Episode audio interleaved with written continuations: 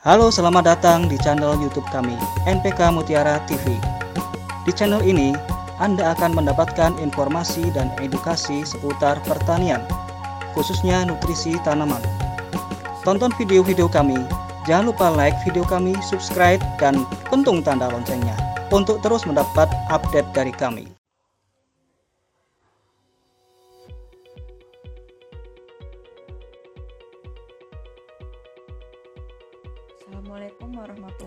Wabarakatuh. Ya, ber- berjumpa lagi dengan saya Galuh Ilmiah Cahyaning Tias dari majalah Agrina. Tahu hmm, teman-teman bisa panggil saya Tias ya. Nah, eh, kali ini kita mau eh, maaf. Selamat datang di segmen Bisa Tani episode kelima. Nah, kali ini kita mau berbicara tentang berkebun dan fotografi. Nah, kali ini juga kita sudah menghadirkan narasumber yang udah eh, udah lumayan terkenal lah. Sambil menunggu, saya mau ajak narasumber untuk na- Oke. Sudah join. Halo? Mas Garis? Halo? Oke. Iya, Mbak Tias. Saya mau coba invite eh, Mbak Heni dulu ya. Sudah online belum? Hmm, boleh. Oke.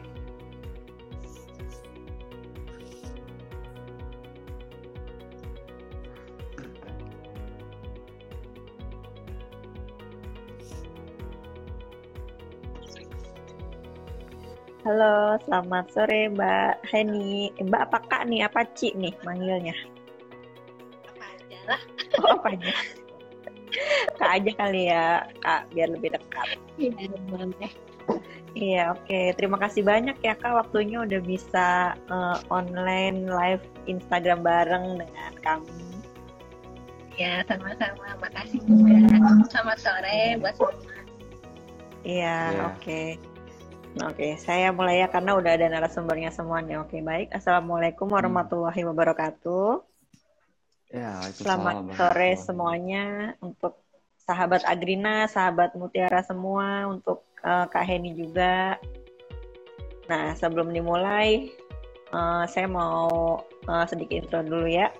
Nah, di masa pandemi ini kan banyak nih dari kita yang semakin kreatif untuk mengisi waktu luang di rumah, ya kan? Salah satu caranya itu dengan berkebun tanaman hias dan sayur-sayuran. Nah, kali ini eh, Agrina dan PT Merauke akan mengulik lebih dalam nih tentang hobi baru yang lagi ngetren ini di kalangan ibu-ibu dan bapak-bapak yang sibuk WFH ya, yang kebanyakan eh, stay di rumah nggak bisa ke mana-mana gitu kan. Nah, sekarang kita sudah menghadirkan salah satu pegiat hobi berkebun tanaman hias dan sayuran yaitu Kak Heni Winata yang sekarang sudah bersama kita dan juga eh, narasumber yang selalu hadir bersama kita ya Mas Garis sudah nggak asing lagi udah berapa kali join dengan Agrina dan narasumber yang lain Oke, nah apa kabar nih Kak Heni dan Mas Garis? Boleh ke Kak Heni dulu? Kabar? Selamat sore semua. Terima Iya. kasih. Sore. Eh, Jadi narasumber. Semoga semua selalu sehat dari masa pandemi ini. Tetap semangat. Oke, nah sekarang ke Mas Garis gimana kabarnya Mas Garis? Alhamdulillah sehat, Mbak. Ya. Semoga semuanya juga ya. ya dalam kondisi sehat lah dan apa teman atau saudara kita yang ya kurang sehat semoga segera cepat eh, sehat kembali gitu. Amin, semoga semuanya sehat-sehat ya. Ya, Nah, amin. kita kan juga mau eh, ngobrolin yang sehat-sehat nih gitu kan. Hobi yang menyegarkan gitu. Bisa makan, eh bisa kita konsumsi sendiri dari rumah, bisa kita lihat-lihat gitu kan. Kalau tanaman hias kan suka ngeliatinnya gitu, yang indah-indah gitu kan, kayaknya adem gitu ya. Nah, sekarang eh, salah satu yang udah berkecimpung itu Kak Heni ya. Nah, boleh tahu nggak nih Kak Heni, mulai kapan nih eh, berkebun tanaman hias dan sayur-sayuran? Saya ke Kak Heni dulu ya Mas Garis ya. Boleh. Oke, silakan Kak Heni. Saya mulai berkebun dari tahun 2019 awal tahun eh, ikut grup komunitas Mitra Hidroklas. Oh, ikut komunitas ya jadi awalnya. Jadi eh, awal mulanya bisa tertarik berkebun ini apa tuh Kak sebabnya tuh Kak? Suatu ketika ada teman saya datang, dia membawa sayur yang besar banget. Terus udah gitu saya tanya, wah sayurnya bagus sekali, bagaimana cara kamu nanamnya? Ternyata dia kenalin ke grup Mitra Hidroklas dan berlanjut sampai sekarang. Nah, tadi kan tanamannya besar tuh. Apaan sih yang besar-besar itu yang bikin kakak tertarik? Soalnya kalau saya lihat nih ya, Heeh. eh, grup komunitas di Mitra Hidroklas ini beda sama pelatihan lain. Di Oh. sini semua member dituntun satu persatu tiap orangnya.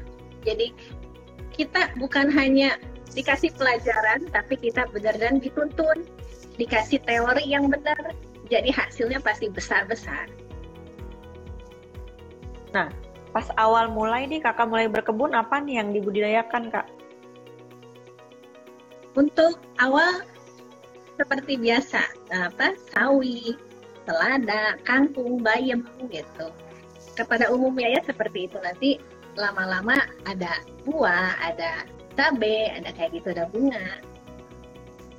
Oh jadi kakak udah nyoba banyak jenis sayuran gitu ya untuk dibudidayakan. Berhasil Belum ya, semua. berhasil.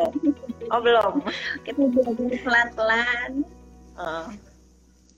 Oke, nah eh, kan di Instagramnya saya lihat nih, oh fotonya kok cakep-cakep gitu kan, sayurannya kok makin apa ya, makin menarik untuk dilihat gitu. Nah kayaknya nih denger-denger gitu, kakak juga menggeluti dunia fotografi ya? Iya memang, memang dari dulu saya memang senang foto. Dari 2016 saya mulai foto kue ulang tahun, dekorasi ulang tahun. Nah sekarang udah begitu masuk di 2019, saya ikut mitra dan hasilnya apa eh, panenannya itu saya foto-fotoin dan berlanjut sampai sekarang. Tuh. Nah, kalau fotografi ini kakak dulu belajarnya nih otodidak atau ikut kelas juga nih? Kayak budaya kan ikut kelas ya. Nah, kalau fotografi gimana tuh kak ceritanya? Kalau untuk pertama di awal belajar sendiri, otodidak Oh, gitu. dari Ah. YouTube, dari Google, dari teman-teman tanya atau ada yang ahli saya tanya lama-lama saya ikut juga kelas komunitas fotografi.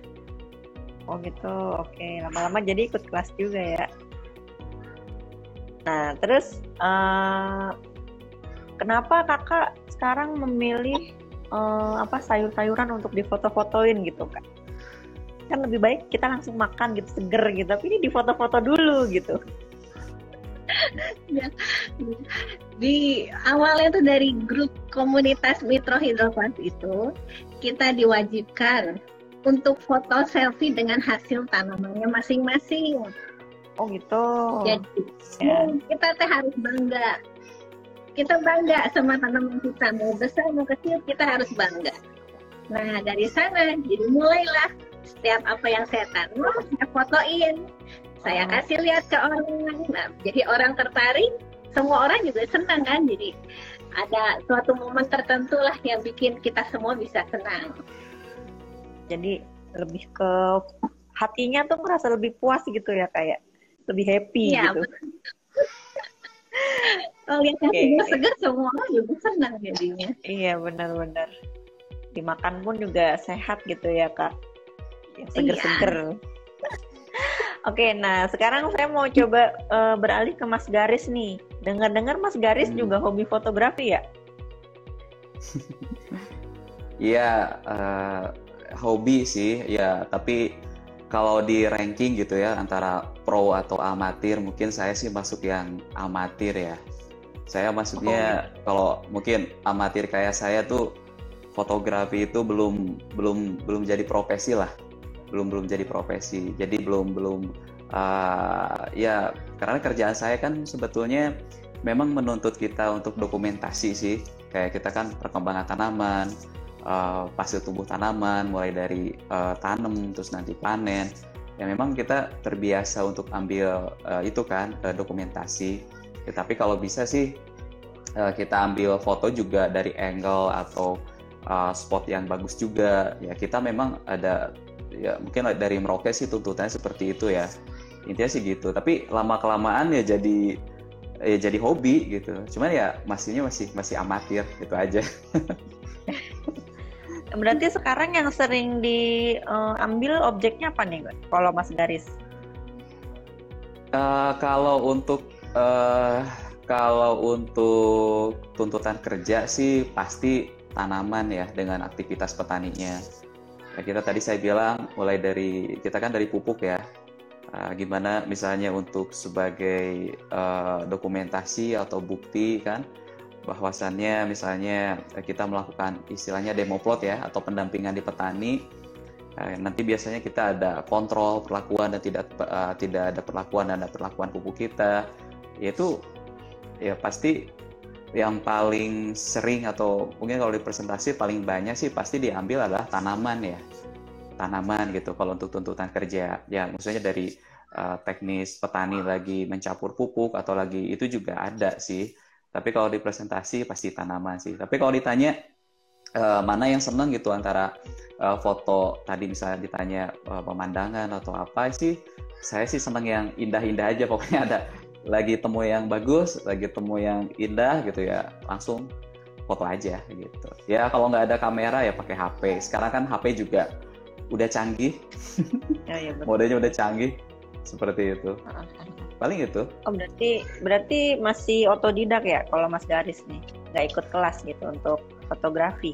Ah iya, karena ah, bagusnya sih memang harus belajar ya. Saya sih selama ini mungkin kayak eh, Kak Heni tadi sama awalnya belajar secara otodidak, ya belajar minimal dari apa itu ISO, belajar itu apa artinya eh, shutter speed, aperture dan lain-lain sih itu belajar secara otodidak.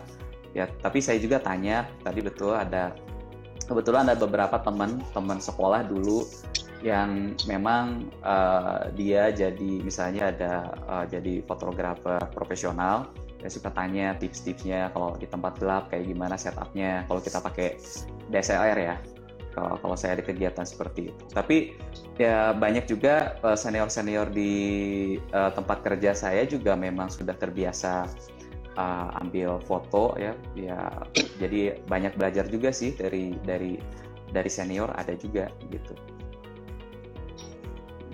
Oke, sekarang saya mau ke Kak Heni ya. Nah, Kak Heni kan namanya kita berkebun kan kadang-kadang nggak selalu berhasil gitu ya Kak ya. Kan kadang-kadang ada aja ada entah itu hama atau penyakit gitu kan yang menyerang tanaman kita. Nah, kalau tanaman-tanaman yang kayak gitu suka di foto-fotoin nggak sih? Kalau yang gagal-gagal gitu? Kalau yang gagal mau difoto buat dokumentasi.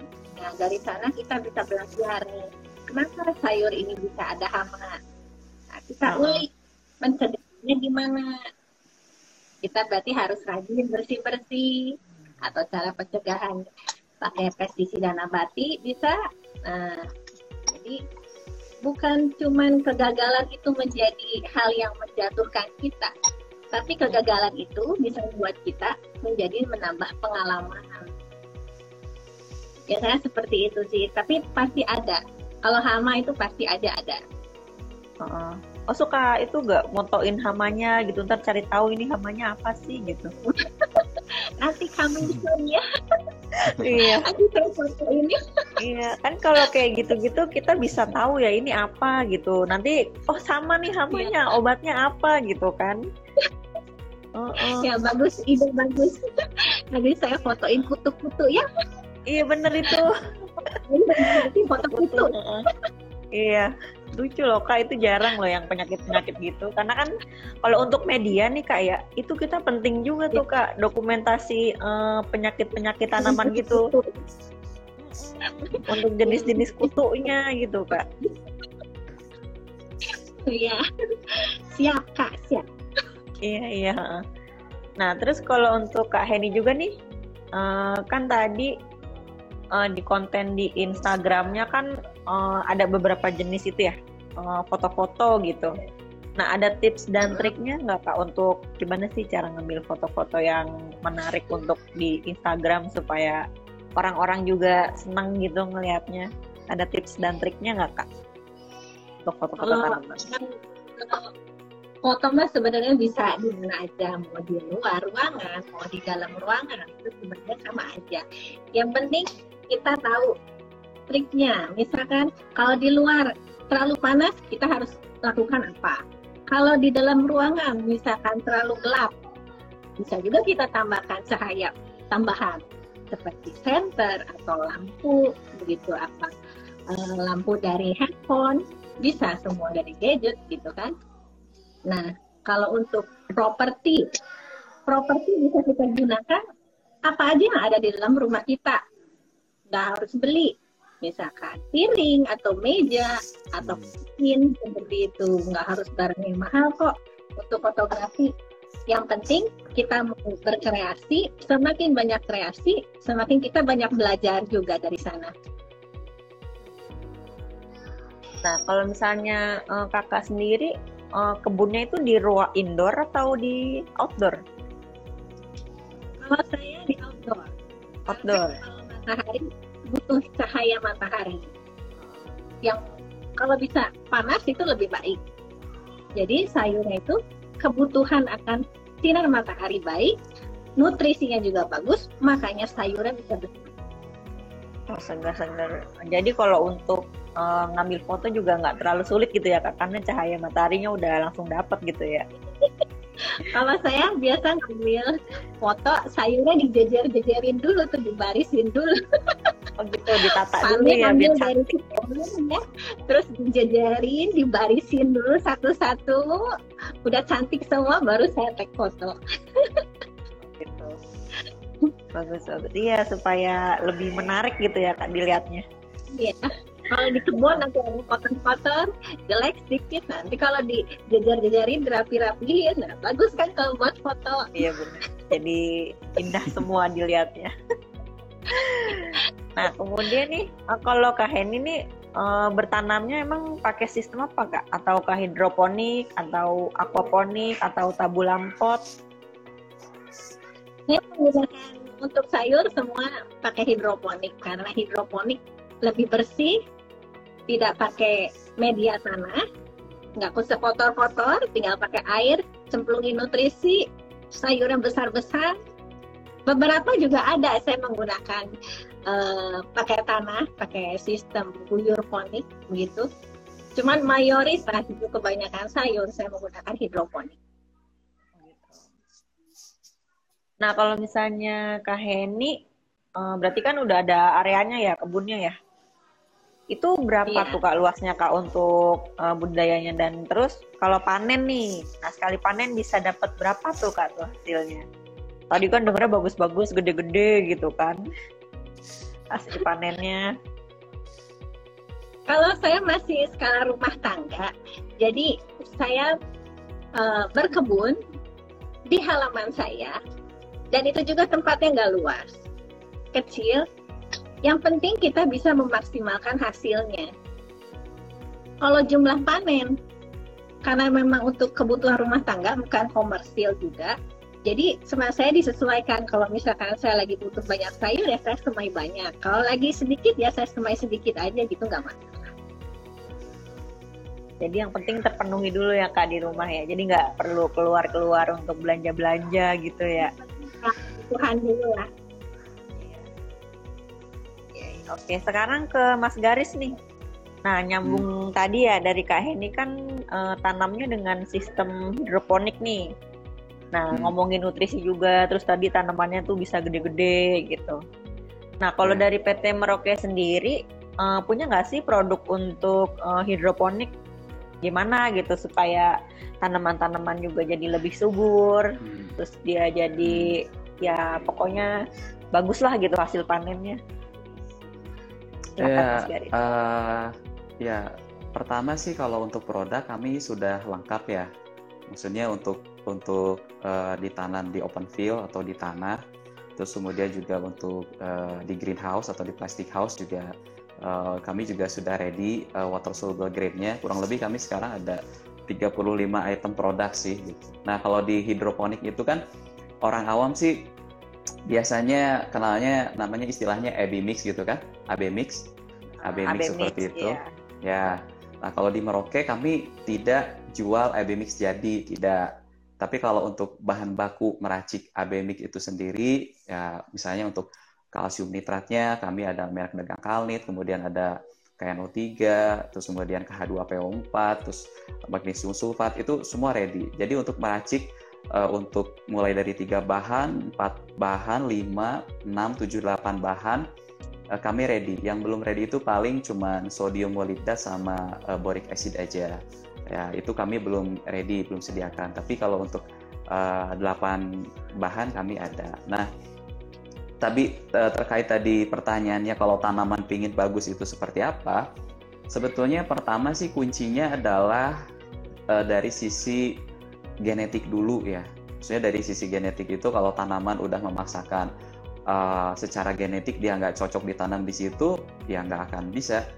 Contoh misalnya mau tanam apa ya, uh, kalau di dataran tinggi uh, ini kan baru ada misalnya orang suka makan brokoli kan, itu kan mungkin bisa nih tanam brokoli gitu di dataran tinggi. Tapi kalau misalnya rumah saya di anggap mungkin di Ancol misalnya di daerah dataran rendah misalnya cuma ketinggian berapa puluh meter di atas permukaan laut uh, secara genetik kan itu dia tidak tidak ini ya tidak tidak cocok. Berarti kalau dipaksakan dia tetap tumbuh.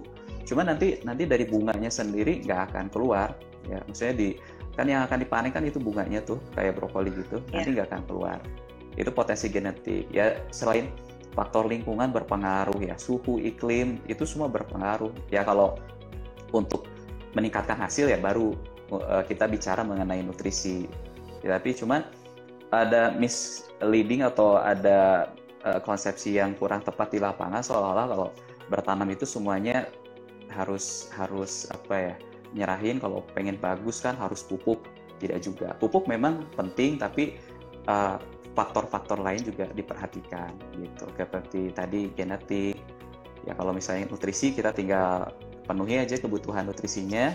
Ya kita ada namanya serapan nutrisi yang diperlukan oleh tanaman kita sesuaikan oleh uh, dengan itu ya bisa nanti tumbuhnya bisa optimal. Tapi ya tadi misalnya um, pupuk udah baik, nutrisi udah baik, tapi ada hama atau penyakit dibiarin aja gitu tanpa ada pengendalian ya sama, nanti bisa uh, potensi hasil bisa turun. Jadi semua aspek itu banyak yang uh, berkaitan gitu supaya uh, produksi itu bisa bagus. Itu sih, Mbak. Hmm. Oke, kalau misalnya uh, untuk pemula nih dan hmm. nutrisi apa sih yang penting untuk kita siapin gitu kalau untuk sistem yang hidroponik yang utama gitu? Ya kalau uh, untuk pemula sih bisa beli racikan jadi ya. Biasanya di online juga banyak. Mungkin juga bisa beli nih ke Kak Henny juga mungkin ada mungkin nutrisi yang uh, siap sedianya kan. Ya tinggal tinggal beli jadi biasanya kalau AB mix AB mix jadi biasanya kan ada beli untuk yang kemasan sekilo mungkin untuk awal ya sekilo itu mungkin untuk 1000 liter. Atau ada juga yang untuk 100 liter uh, larutan jadi terus biasanya kemasannya kemasan ya setengah kiloan gitu ada atau yang 100 graman ada nanti dijual. Nanti pakainya sesuaikan saja dengan uh, cara penggunaannya. Ya, tapi kalau misalnya ingin meracik sendiri sih sebetulnya uh, apa ya aja sih informasi-informasi yang sudah beredar misalnya dari PT kami juga misalnya sudah uh, rilis misalnya kalau mau coba untuk pemula gitu misalnya untuk hidroponik misalnya siapin tiga bahan, misalnya kita untuk kalsium nitrat kita pakai kalnit, uh, kalsium nitratnya untuk uh, 1000 liter larutan jadi misalnya atau 100 liter itu aja jangan 1000 dulu. Itu siapin misalnya 100 gram. Terus nanti untuk itu di A nanti di B nya mungkin bisa tambah flex G uh, meroket flex G itu sebanyak 130 gram terus nanti di B di B lagi bisa tambah magnesium sulfat sebanyak 30 gram. Itu cocok untuk pemula kalau misalnya pengen ya, coba sendiri itu untuk 100 liter. Tapi kalau nggak mau ribet, mau beli yang jadi Baby Mix uh, banyak tuh di toko online atau di mana juga tinggal dipakai sih mudah. Cuman yang paling penting di hidroponik itu selain nutrisi ya tadi perhatikan juga sistem yang dipakai, suhu. Karena banyak pemula yang kurang memperhatikan itu. Misalnya tadi sinar matahari betul kata Kak Helmi harus pertimbangkan juga jangan misalnya nanti nanam pakai sistem apa misalnya pakai wick wick system misalnya atau sistem sumbu udah airnya ternyata udah kosong misalnya nggak sering dicek udah gitu tanamannya si sistemnya ditaruhnya di apa di apa di tempat yang kurang uh, sinar matahari atau terkena naungan ya pasti nanti pertumbuhannya juga kurang bagus seperti itu. Jadi nanti perhatikan juga uh, apa eh, media tanam atau misalnya uh, faktor lingkungan juga harus diperhatikan. Itu sih. Nah kalau untuk Kak Heni nih uh, nutrisinya Kak, kalau untuk tips dan triknya tuh karena kakak kan udah pelaku gitu kan, udah hmm. tahu gitu pakai apa yang berhasil dan ya pokoknya tips dan triknya tuh kak gimana kak kalau untuk nutrisi supaya si tanamannya ini uh, bisa berhasil gitu kak untuk pemula kalau saya sih lebih menyarankan untuk pemula pakai nutrisi yang siap pakai. Nah, saya juga termasuk pakai nutrisi siap pakai. Saya nggak meracik sendiri. Saya pakai nutrisi dari Mitra Hydroclass. Sana udah kebukti hasilnya juga udah bener bagus. Kalau mau dilihat, boleh lihat IG-nya Mitra Hydroclass. Di sana panennya juga jumbo-jumbo semuanya juga udah mayoritas pesertanya juga berhasil. Nah, kalau meracik sendiri itu memang butuh orang yang ahli menurut saya ya. Dia butuh pengalaman dari komposisinya diatur sendiri, bagaimana efeknya. Itu memang bukan sembarangan orang yang bisa bikin komposisi. Pupuknya Mitra Hidroklas ini juga mengambil bahan dari PT Merauke gitu. Jadi memang kayaknya juga udah bagus, ya kualitasnya bagus, sudah top. Dan diracik jadi apa nutrisi mitra hidroklas. Hasilnya udah memuaskan jadi ngapain kita ngeracik sendiri? Buat apa pokoknya terima jadi gitu ya. Benar kalau bisa gampang ambil yang gampang ya. aja. Iya. Harganya terjangkau kok untuk kita kita ya udah kualitas bagus ya. harga oke okay, ya ngapain intin pusing ya. Kalau untuk uh, ikut komunitas gimana sih kak caranya kak? Kalau untuk kita nih yang wah kita mau ikutan belajar gitu. Gimana tuh kak caranya ikut komunitas? Kelebihan dari komunitas ini, komunitas ini bisa untuk seluruh orang di berbagai kota. Di Indonesia udah hampir semua kota dari Sabang sampai Merauke paling jauh di Papua itu udah banyak di luar negeri juga banyak sekali Singapura, Malaysia, Australia, Brunei itu semua jadi member mitra. Nah, kelebihannya kita nggak perlu tatap muka, apalagi dari masa pandemi kayak gini. Kita nggak usah datang ke tempat. Kita oh, dipandu lewat WhatsApp grup aja. Jadi kita dipandu setiap hari pakai apa uh, sama dipandu oleh tutor yang benar-benar kompeten. Makanya hasilnya nggak aneh, semuanya bagus. Beda sama kita kalau cari referensi dari internet, dari YouTube, kita nggak dituntut. Tapi ini lewat mitra, kita benar-benar dituntun oleh yang ahlinya. Makanya hasilnya juga bagus. Oke. Uh, ikutnya itu caranya gimana kak? Tinggal daftar, daftarnya mungkin ada kontaknya ya, gitu kak siapa yang, yang bisa dihubungin? ya, pendaftaran bisa sekarang. Kelasnya nanti dimulai 2 Agustus. 2 Agustus ini kita mulai kelas baru. Nanti saya cantumin nomor pendaftarannya di IG saya. Kalau mau daftar, silakan kita bikin sayuran jumbo-jumbo ya. Seru, seru, seru, seru. Boleh nih ikutan. Karena kita nggak harus datang juga ya. Bisa online Iya, sekarang bener. segala sesuatunya. Betul, betul, Umur betul, juga betul. dari kecil sampai manula juga banyak yang ikut. Oh gitu. Oke, Dari nah 80 kan kayak-. Iya. Oke, Banyak. kan kita pembicaraannya udah seru banget nih. Pasti banyak juga nih dari teman-teman kita yang mau nanya ya. Nah, untuk teman-teman semua nih yang eh, ada pertanyaan-pertanyaan, boleh langsung diketik di kolom komen atau Q&A ya. Nah, nanti untuk tiga penanya terpilih, kita punya door prize dari kita. Nanti ada door prize pokoknya. Oke, untuk teman-teman silakan ya yang mau bertanya. Nah, sambil nunggu eh, teman-teman yang penasaran nih, kita ngobrol-ngobrol lagi ya sama eh, Mas Garis nih. Hmm, boleh. Kalau Mas Garis eh, memantau nggak sih Mas kayak komunitas-komunitas hobi yang kayak diikutin sama Kak Heni ini? Kalau ya eh, rencananya mau, kalau yang Mbak Heni ini kebetulan kita juga mau collab di minggu depan ya, Kak Heni ya. Nanti minggu depan kita ketemu lagi. Eh, ya kebetulan juga ya kalau kantor sih mungkin udah tahu. Cuma kalau kebetulan saya posisinya di daerah kan, saya di Bandung. Ya belum baru ketemu Kak Heni juga sekarang, tapi ya senang sekali gitu kan bisa jumpa sama Kak Heni di sini juga. Kebetulan kita collab lagi. Ya kalau kalau saya sih untuk komunitas ya saya sih ya ikut, saya juga ikut beberapa komunitas ya baik di Facebook ataupun di ya sosial media lain sih ada. Ada saya ikut komunitas. Penting juga sih menurut saya sih komunitas itu menurut saya sih penting gitu. Eh, ini udah ada satu pertanyaan nih yang masuk dari Kak Anditya Surya. Gadget yang dipakai foto menentukan hasilnya nggak Kak? Nah, selain tadi terus-terus praktik foto, untuk Kak Heni mungkin bisa dijawab. Kalau menurut saya, HP apa pun bisa. Jangan takut HP Anda jadul. Jangan takut.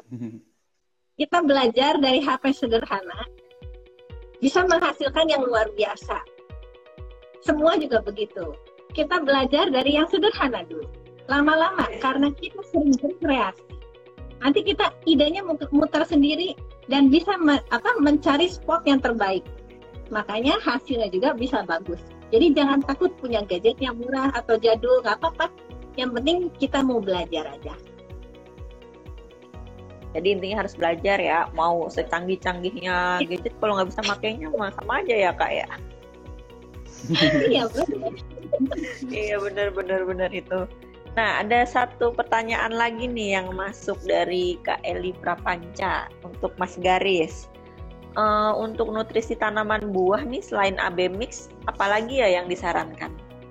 Oke silakan Mas Garis. Hmm.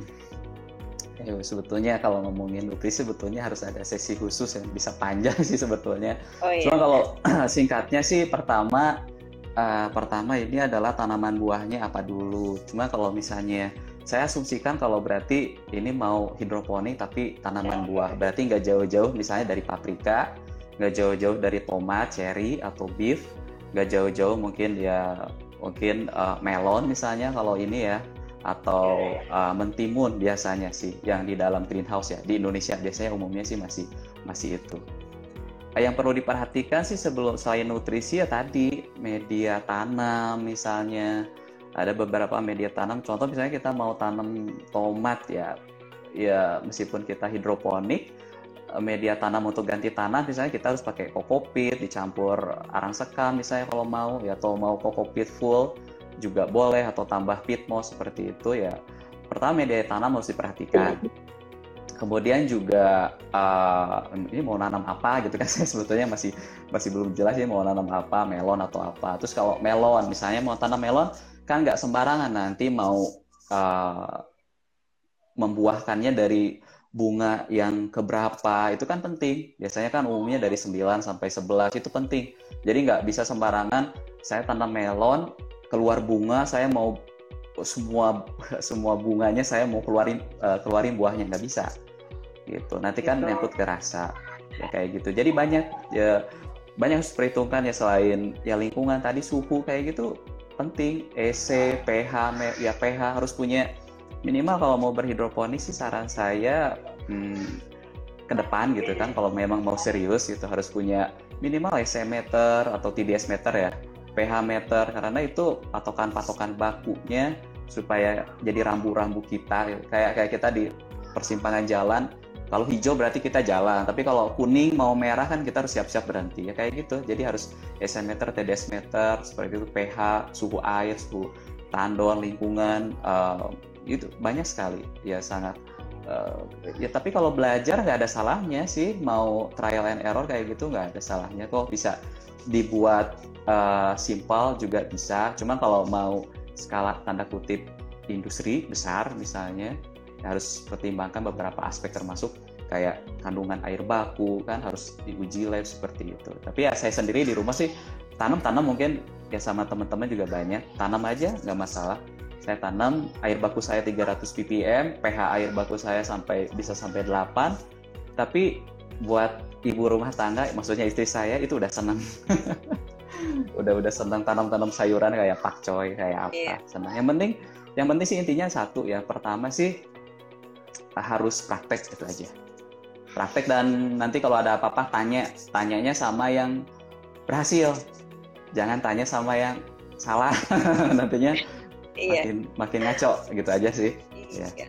oke dan oke, ikut komunitas saya pikir ikut ikut komunitas itu aja ya.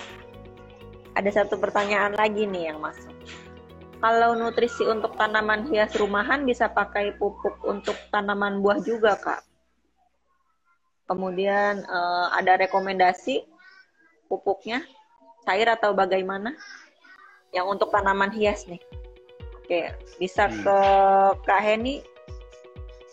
Kalau tanaman hias, tadi Kak Heni juga punya tanaman hias kan ya? Iya, punya tanaman hias. Oh. Sebenarnya ya. di mitra hidropas ini dia juga memproduksi aneka macam dari AB mix jadi AB mixnya itu ada semangka, ada melon, ada cabai, nutrisi untuk sayur general, nutrisi bunga, ada tomat. Nah, jadi kalau tadi anda yang butuh, misalkan saya ini nanam tomat, pakai hmm. pakai AB mix, tentu hasilnya juga lebih bagus, tomatnya lebih besar, buahnya lebih banyak, karena gizinya udah pas mitra menyesuaikan kandungan gizinya dengan sayur itu. Kalau bunga, kita pakai bunga. Bunganya bisa lebat. Kenapa? Karena kandungannya sudah diatur sedemikian rupa menyesuaikan kebutuhan bunga itu. Jadi bunga bagus-bagus, tomat bagus, sayuran bagus, karena udah ada spesialisnya. Gitu.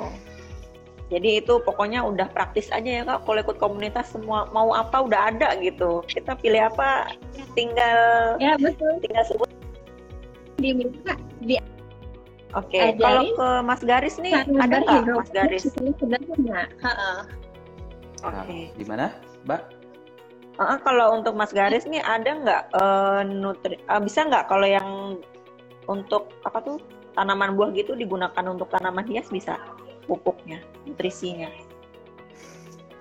Ya, uh, sebetulnya, sebetulnya ya, sebetulnya sih uh, tadi misalnya kayak dari Mbak Kaheni aja udah bilang ada spesifikasi nutrisi ebimik, sebetulnya oh itu udah pro berarti, maksudnya udah baik, maksudnya ada segmentasi ya tanaman, karena sebetulnya seperti ini tanaman buah itu mungkin janganin tanaman buah lah. Satu jenis sayur aja misalnya sayuran daun itu kan macam-macam ya. Ada kale ada ada uh, baby romaine ada apa. Sebetulnya kalau dilihat dari nutrien uptake atau misalnya serapan nutrisi kalau kita bicara serapan nutrisi nah data-data serapan nutrisi itu kita ada sih dari Merauke kita ada itu sebetulnya keperluannya itu berbeda maksudnya kayak gini antara saya dengan Mbak Tias atau saya dengan Kak Heni itu keperluan gizinya itu mungkin beda. Saya mungkin perlu protein lebih misalnya. Mungkin Kak Heni udah proteinnya udah banyak nih, tinggal makan apa gitu misalnya kan banyakin apa. Sama tanaman juga sebetulnya ada yang mungkin perlu nitrogen lebih tinggi, ada yang perlu fosfat yang lebih tinggi, apalagi tanaman buah itu dia pasti kaliumnya atau potasiumnya itu dia lebih tinggi dibandingkan sayuran daun ataupun uh, tanaman hias misalnya seperti itu. Nah, tinggal nanti uh, sebetulnya perlu perlu uh, nutrisi khusus ya. Jadi nggak bisa disamain sebetulnya. Kayak anak bayi baru lahir dengan balita aja makannya pasti beda tuh maksudnya anak bayi baru lahir mungkin minum asi kan nggak bisa paksain tuh makan uh, makan untuk makanan uh, dewasa seperti itu. Maksudnya bukan berarti tanaman hias itu bayi dan tanaman buah itu dewasa bukan. Cuma keperluan nutrisinya itu beda. Intinya tanaman memang memerlukan kurang lebih 12 jenis unsur hara ya. Nama unsur hara makro nama unsur hara mikro. Tapi serapannya berapa banyak itu berbeda tiap tanaman. Dan tanaman buah itu uh, ya perlu uh, ya beda pasti beda dengan tanaman uh, sayur ataupun uh, sayuran daun maksudnya dengan ataupun tanaman hias itu beda. Tapi kalau di kaheni tadi itu udah lengkap. Daripada bingung tadi ngeracik beli aja. Ya, beli aja. Tadi ada tanaman hias sudah disiapin jadi. kan? Terima iya. jadi pokoknya. Iya jadi. Dan itu biasanya hasilnya lebih bagus daripada maksudnya tanaman dipakai bisa nggak? Bisa cuman kalau kita bicara optimal dan kualitasnya bagus atau tidak itu beda hal gitu. Pasti hasilnya belum optimal dan kualitasnya tidak maksimal juga itu. Tapi kalau khusus spesifikasi, nah itu biasanya lebih optimal gitu, lebih presisi kan semuanya gitu. Oke, ada pertanyaan yang masuk lagi nih dari Kak Bey Indri. Ada saran nggak Kak Heni bagaimana supaya foto tanaman di ruangan tertutup? Silakan Kak Heni ruangan tertutup, kita cari spot yang terbaik dulu. Kita cari angle yang benar. Kita cari light apa pencahayaannya di mana yang paling bagus. Misalkan di belakang jendela nih bagus, kita foto di sana. Kalau misalkan kurang kita bisa tambahin kan pakai cahaya yang lain dari lampu, dari center atau begitu. Jadi semua tergantung dari kreativitas kita. Semua belajar. Nah, dari belajar kita bisa mengulik bagaimana kita bisa menciptakan foto yang unik yang bisa dinikmati oleh orang lain. Ya. Nah, kemudian uh, nyambung nih Kak, nyambung dari yang tentang angle dari Kak Rintias. Ada saran angle terbaik Kak untuk tag fotonya? Dari Kak Hen ini menurut Kak Hen ini pengalaman gitu yang terbaik tuh angle yang mana gitu. Monggo kak. Kalau angle tuh sebenarnya di mana juga bagus. Yang penting itu bisa menempatkan benda itu menjadi sebuah fokus. Orang melihat kita titik fokusnya ke mana okay. kita mau dari bawah mau dari atas mau akarnya mau daunnya mau batangnya semua juga sebenarnya bagus. Cuman kita harus punya titik fokusnya kalau tipsnya itu begitu. Angle di mana aja sebenarnya bisa. Kalau untuk foto. Oke. Nah, ada lagi nih kak pertanyaannya banyak banget ya. Dari berbagai jenis tanaman sayuran yang ditutorkan oleh Kak Heni nih, tanaman apa kak yang paling menantang, paling sulit menurut Kak Heni? Dari Kak Franciscari. Oke, silakan kak kalau untuk menantang. Menantang karena hama. Kalau hama itu paling doyan sama yang namanya cabe tomat okay. itu teman-temannya. Kalau untuk durasi panjangnya itu sebangsa. Kol, kubis, pecai itu yang durasi lama yang harus ngekrop. Nah itu yang durasi panjang. Kita harus menjaga kualitas nutrisi kita itu benar-benar daripada yang panennya singkat. Yang menantang itu. Jadi uh, tergantung ya kayak dari durasi atau dari penyakitnya. Nah kemudian ya, ada betul. lagi nih kak, pertanyaan dari kak Sali Wangsa. Kalau benih yang dibeli di Mitra sudah terbukti kualitasnya, Nah, bagaimana kalau benih yang dibeli di toko-toko online? Apakah hasilnya bisa sama bagusnya? Oke. Gimana Kak Salini sebagai pelaku pegiat hobinya? Sebenarnya benih yang berkualitas itu memang benar harus wajib. Nah, di Mitra udah disediakan benih yang benar-benar tidak expired fresh. Dia tidak menyimpan expired lalu dijual. Beda sama yang toko online lainnya. Kalau di toko online, kita nggak tahu expirednya. Kadang mereka berbohong, mengada-ngada. Nah, hasilnya apa? Begitu kita tanam, benihnya bantat, sayurnya suka ada penyakit. Kalau di Mitra tidak, dia menyediakan benih yang fresh, yang tidak expired, yang dijamin lah. Jadi kualitasnya lebih terjamin ya. Ya, Nah, ada lagi nih Kak, pertanyaan dari Kak Tommy. Halo Kak, buah dan sayur apa saja yang bisa dengan metode hidroponik dan yang tidak bisa? Mengapa tanaman hidroponik bisa lebih bagus dan besar dibanding tanaman yang ditanam di media lainnya? Mungkin dari Kak Heni dulu nih. kalau sayur dan buah rata-rata semua hampir bisa. Kecuali kalau misalkan kita nanamnya duren, udah nggak mungkin kita pakai hidroponik, pohonnya Iya, udah besar. Nah, apalagi kita Iya. nanam pohon mangga, udah nggak mungkin. Kita nanam yang sewajarnya aja untuk hidroponik. Kalau untuk tanaman yang besar-besar, pohon-pohon ya mending di tanah. Terus apalagi tadi? Eh, Eh, mengapa tanaman hidroponik Iya, mengapa tanaman hidroponik bisa lebih bagus dan besar dibanding Oh, ditanam di media nah. lain?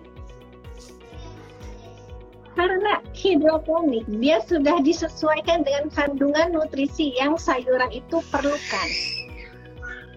Kalau misalkan kita pakai pupuk organik, pupuk kandang, kita nggak tahu komposisinya apa. Sayur itu butuhnya kandungannya apa nggak tahu. Beda sama hidroponik. Hidroponik misalkan sayur itu butuhnya vitamin A, B, C, D. Nah, nutrisi AB ini sudah menyediakan vitamin A, B, C, D itu. Jadi otomatis sayurnya juga lebih bagus karena vitaminnya tercukupi. Oke. Jadi dia lebih maksimal gitu ya kak dalam menyerap nutrisi-nutrisi. Jadi karena vitaminnya benar yang dia perlukan, jadi pertumbuhannya pun ikut bagus. Oke. Kalau dari Mas Garis nih, mungkin bisa menambahkan tadi oh yang iya, kalau misalnya tentang hidroponik, ya. Maksudnya Silakan, tanaman apa gitu yang bisa dibudidayakan di hidroponik? Iya tadi eh, betul kata Kak Heni ya. Intinya sih mungkin tanaman musiman sih masih oke ya ditanam di secara hidroponik. Bahkan kayak padi aja sekarang udah ada tuh orang coba-coba tanam padi secara hidroponik sudah ada. Cuman kalau dari sisi mass production atau produksi massal apakah bisa menutupi biayanya mungkin belum kan belum sampai ke sana percobaannya. Tapi betul kalau misalnya untuk tanaman seperti durian atau tanaman tahunan ya atau tanaman buah seperti itu ya memang secara hidroponik belum bisa. Tapi kalau misalnya vertigasi sih mungkin masih bisa lah ya kalau ver- vertigasi. Maksudnya dia tanamnya tetap di tanah tapi untuk uh, irigasi air dan misalnya nutrisinya pakai uh, vertigasi sih masih masih masih bisa gitu. Tapi kalau secara hidroponik nggak nggak akan bisa. Terus kemudian tadi apa pertanyaan keduanya? Lupa saya. Yang mengapa di tanaman hidroponik bisa lebih Ah, bagus dan lebih besar lebih gitu bagus. dibanding Oh ah, betul, dibanding tadi kata tadi betul kata Kak Heni. Jadi tadi kata Kak Heni kan semua vitaminnya gitu dari A, B, C dan lainnya itu disediain ya.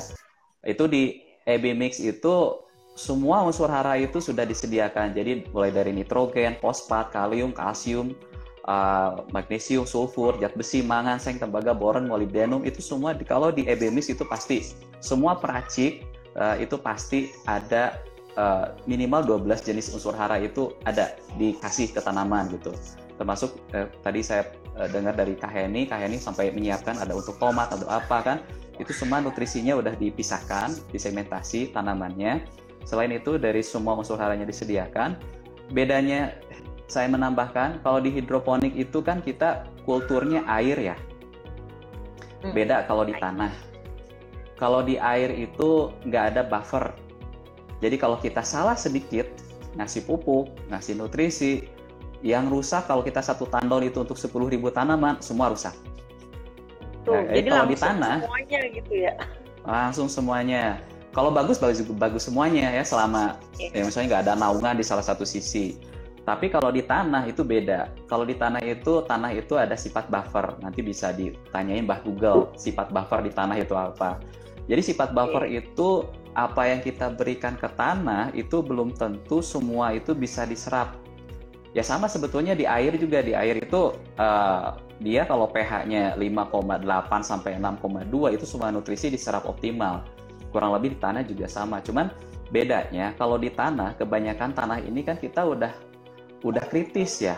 Udah berpuluh-puluh tahun petani kita itu menanam di itu itu aja nggak pernah ada libur setahun kan nggak mungkin tuh petani padi pak libur dulu setahun kan nggak mungkin tuh nggak mungkin kan Iya. tanahnya itu pasti di bekerja puluhan tahun nutrisi yang ada di dalam tanah itu tergerus tergerus banyak tapi petani itu hanya memberikan sebagian aja nutrisi yang masuk. So petani paling mupuk paling masukin unsur hara N, P sama K aja.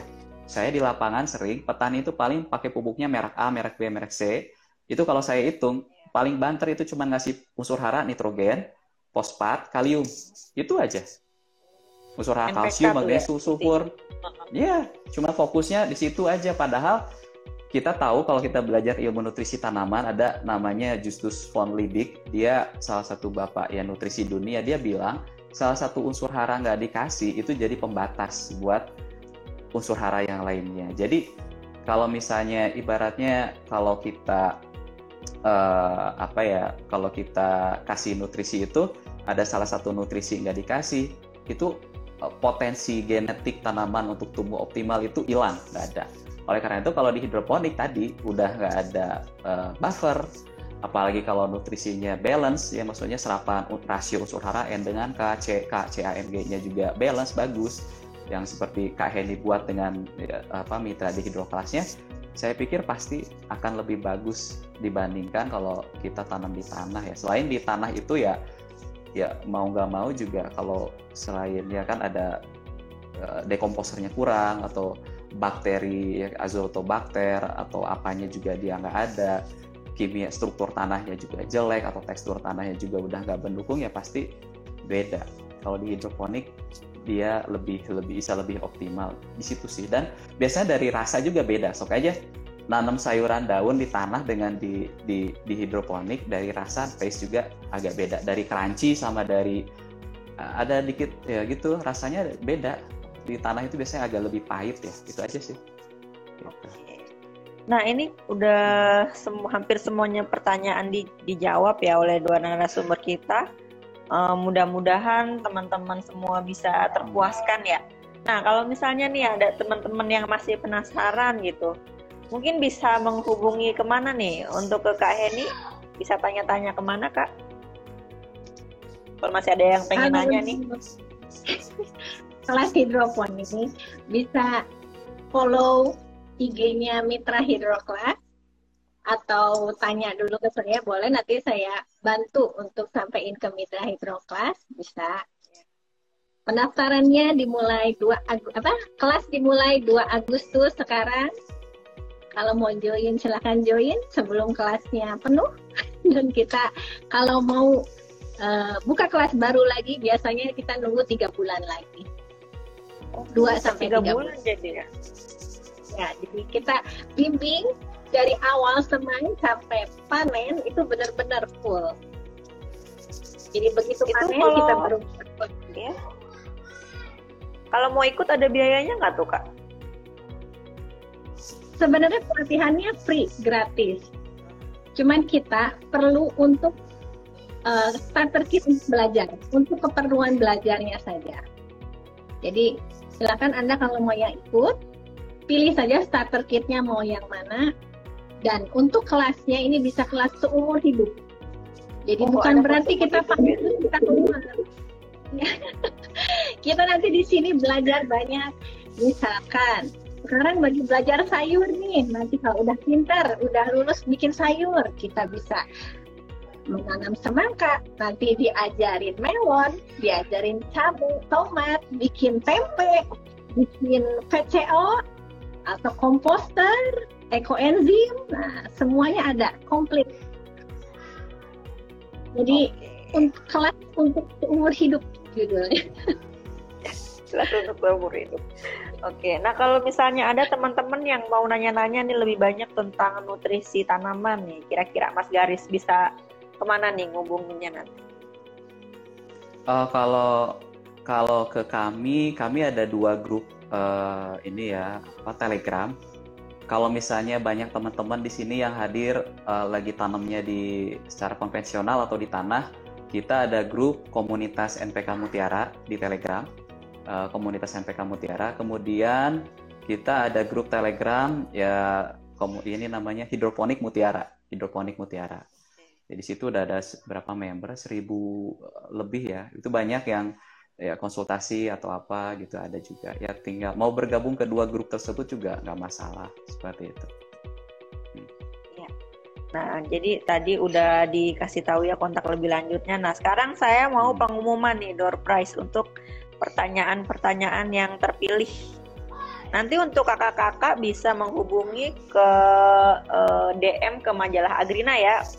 Nah, untuk Kak Francis Kari, tuh pertanyaannya terpilih. Kemudian ada Kak Sali Wangsa, Sali Dot Wangsa, dan Kak Tommy. Yeay, selamat untuk teman-teman yang dapat door prize.